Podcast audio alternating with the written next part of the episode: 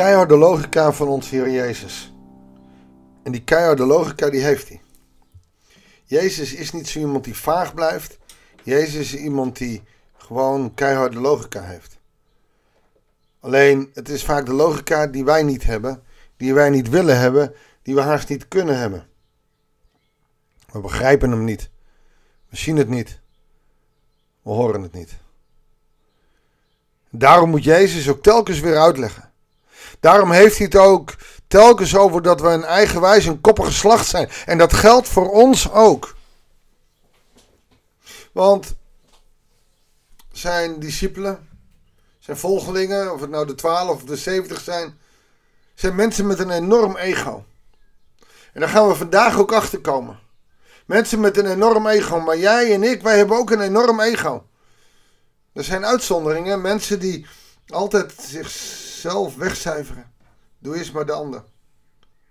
Maar die ego's van ons, die zijn onze grootste vijanden. We zijn soms bang voor demonen en duivels. Jezus weet ze uit te drijven. Maar weet je waar Jezus niks mee kan? Onze eigen ego's. Als wij het beter weten, dan kan Jezus niks met ons.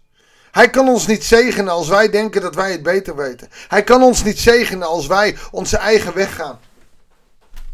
Niet voor niets dat hij in de Bijbel zegt. Weet je, als jullie mij verlogenen, verlogen ik jullie. Dat is puur omdat hij daar niks mee kan. En dat is, het is uit 2, Timotheus 2, maar dat is, dat is het lastige. Het is net als Jacob. Die loopt te knokken waarop Jezus, of sorry, God zegt, ik kan niet van jou winnen. Hoezo God kan u niet winnen van Jacob? God kan de hele wereld in de aarde op zijn kop zetten. God kan jou, mij zo in een vingerknip weg laten gaan. Hij heeft beloofd het niet te doen, maar hij kan het wel. En toch kan hij niet winnen. Omdat wij de verkeerde vragen stellen, omdat wij knokken tegen God in. Oeh, hoor ik zo vaak. Ik kan God niet voelen, ik kan God niet meer zien, ik kan God niet meer. Nee, omdat wij te vaak knokken tegen de Allerhoogste. En dat is zo dom.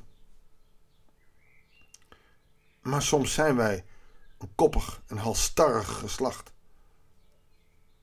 En daarom geeft hij de woorden die zo bekend zijn. Maar als je goed naar jezelf kijkt, eigenlijk als een scalpelmesje door je ziel gaan. Goeiedag, hartelijk welkom bij een nieuwe uitzending van het Bijbelsdagboek. We lezen in Lucas 9, vers 46 tot en met 50. Het eind, nee nog niet eens het eind van dit hoofdstuk, maar wel het laatste stuk wat we lezen. Want we gaan de komende twee weken met 2 Corinthiërs bezig. En we lezen in het gedeelte van vandaag dat ze begonnen, dat zijn de discipelen, of het de twaalf zijn of de, de zeventig wil ik even afwezen. Maar ze begonnen onderling te reden twisten over de vraag wie van hen de belangrijkste was. En daar heb je meteen. Wij willen belangrijk gevonden worden. Wij willen de beste zijn. Wij willen haantje de voorste zijn. Ja, maar Jezus heeft tegen mij gezegd. Ja, maar Jezus heeft tegen mij gezegd. En we hebben allemaal excuses. En allemaal mooie woorden. Maar ondertussen willen we allemaal ons egootje voorop zetten. Ik, ik, ik, ik, ik ben de beste. Ik ben de. En Jezus zegt het vaker, jongens. Het gaat er helemaal niet om wie de beste is. Luister ik maar eens naar het antwoord. Jezus wist wat hen bezig hield. En hij nam een kind bij zich. Dat hij daar neerzette. En hij zei tegen hen: Wie dit kind in mijn naam ontvangt, ontvangt mij. En wie mij ontvangt, ontvangt hem die mij gezonden heeft. Want wie de kleinste onder jullie allen is, die is werkelijk groot. En dat is het omdenken van Jezus. Het gaat niet om wie de eerste of de beste is. Het gaat erom wie het meest bescheiden is. Jezus is degene die de voeten was van zijn discipelen, terwijl het andersom had horen zijn. En als er paniek is omdat er 5000 man te eten willen hebben, dan is het Jezus die ze bedient met brood en vis. Niet de discipelen, want zij staan met de handen in de haren. Jezus is in zijn leiderschap, in zijn koningschap, een dienend God. Nu ook nog. Hij is de Allerhoogste. Hij is door de hel heen gegaan voor ons. En hij dient ons. En hij gebruikt de engelen om ons te dienen. Hebben wij dat verdiend? Nee, dat hebben wij niet verdiend. Dat is nou genade. Maar we kunnen er niks mee. Stiekem denken wij, Heere God, wilt u ons een teken geven? Heere God, ik heb toch al heel veel voor u gedaan. Kunt u niet voor mij regelen dat? Op een of andere manier. Op een of andere manier is onze ego, die zelfs ons gevoel en ons geloof in de weg staat. Heren, maar ik, ik heb toch altijd alles voor u gedaan. Ik, ik werk toch voor u of ik, ik bid elke dag dat u. Ik, ik, ik, ik, ik. En ik denk dat er één is die niks met het ik kan. En dat is God zelf. Waarom zou God je helpen als het alleen maar om jouw ik gaat? Waarom zou God jou helpen? God is een God van liefde en genade. God is een God van hele grote liefde en genade. Ongekende grote liefde en genade. Want wij, wij zijn niet altijd de minste. We zijn niet altijd de kleinste. We zijn niet net als een kind. Nee, we zijn al lang niet meer kinderlijk. Wij zijn verstandig. Wij hebben wijsheid. Wij lopen en wandelen in de geest. Hoe kan dat als jij haantje de voorste bent? Als je niet die bescheidenheid hebt. Hoe kan het dat jij denkt dat je heel wat bent? Daarop zei Johannes: Meester, we hebben iemand gezien die in uw naam demonen uitdreef. En we hebben geprobeerd hem dat te beletten. Want ja, wij zijn door u gezonden, hè? Hij niet, hè? Nee, hij hoort er niet bij, hè? U heeft ons twaalf en die zeventig. Nou, nou, dat is oké. Maar hij, hij is nooit door u gezonden. En Jezus zei tegen hem: Verhinder het niet. Want wie niet tegen jullie is, is voor jullie.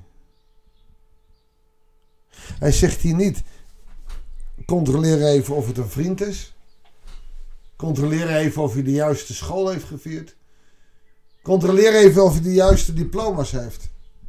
Kijk even of hij universiteit heeft, anders mag je niet zeggen. Schetsend is dat wat ik in de, mijn vorige gemeente had. Ik mocht de zegen niet geven, want daar heb je universiteit voor nodig. Ik moest mijn handen omdraaien en ik moest om de zegen vragen. Omdat ik niet de juiste papieren had. Hier is ook iemand die de juiste papieren niet heeft. En dat doet zomaar in Jezus' naam demonen uitdrijven. En in plaats dat ze daarmee blij zijn, omdat dan eer weer iemand zonder demonen is en bevrijd mag zijn, zijn er de discipelen die op de regels gaan staan van ja, hallo, ik en wij, wij hebben, wij hebben die bijbelschool bij Jezus. Wij lopen al een paar jaar met hem op. En, en dan ga jij zomaar in zijn naam. Nou, dat niet. Zo kennen we regels. Zo kennen christenen die zichzelf belangrijker vinden dan de ander. Waarom? Omdat ze zo dicht bij God leven, denken ze. Maar in wezen is het ook dat. Een vars. Ook nee, dat is, is een lege schel echt dicht bij God leven, dat vraagt nogal wat. Toewijding, afhankelijkheid en het afleggen van je eigen ego. Wauw. Wie van ons kan dat? Het is een gevecht wat we dagelijks hebben. Zullen we God maar bidden om zijn hulp? Heer God, u vraagt van ons de minste te zijn. Dienen te zijn de anderen uitnemend achter dan onszelf. Oh, maar Heer, dat is zo moeilijk. Want onze ik, onze ego's, zijn zo groot. Heer, vergeef ons. Vergeef ons als wij het weer eens met onze eigen ik doen. En zie ons in genade aan.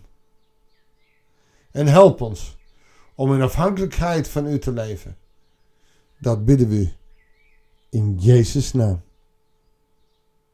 Amen. Ik zou zeggen, doe je best. Probeer Jezus te volgen in alles en met alles. Probeer de minste te zijn. Het is tegen natuurlijk. Het is bijna onmenselijk. Maar je zult je een beter mens voelen. Dat gun ik jou van harte. Shalom, vrede voor jou. En graag tot de volgende uitzending van het Bijbelsdagboek.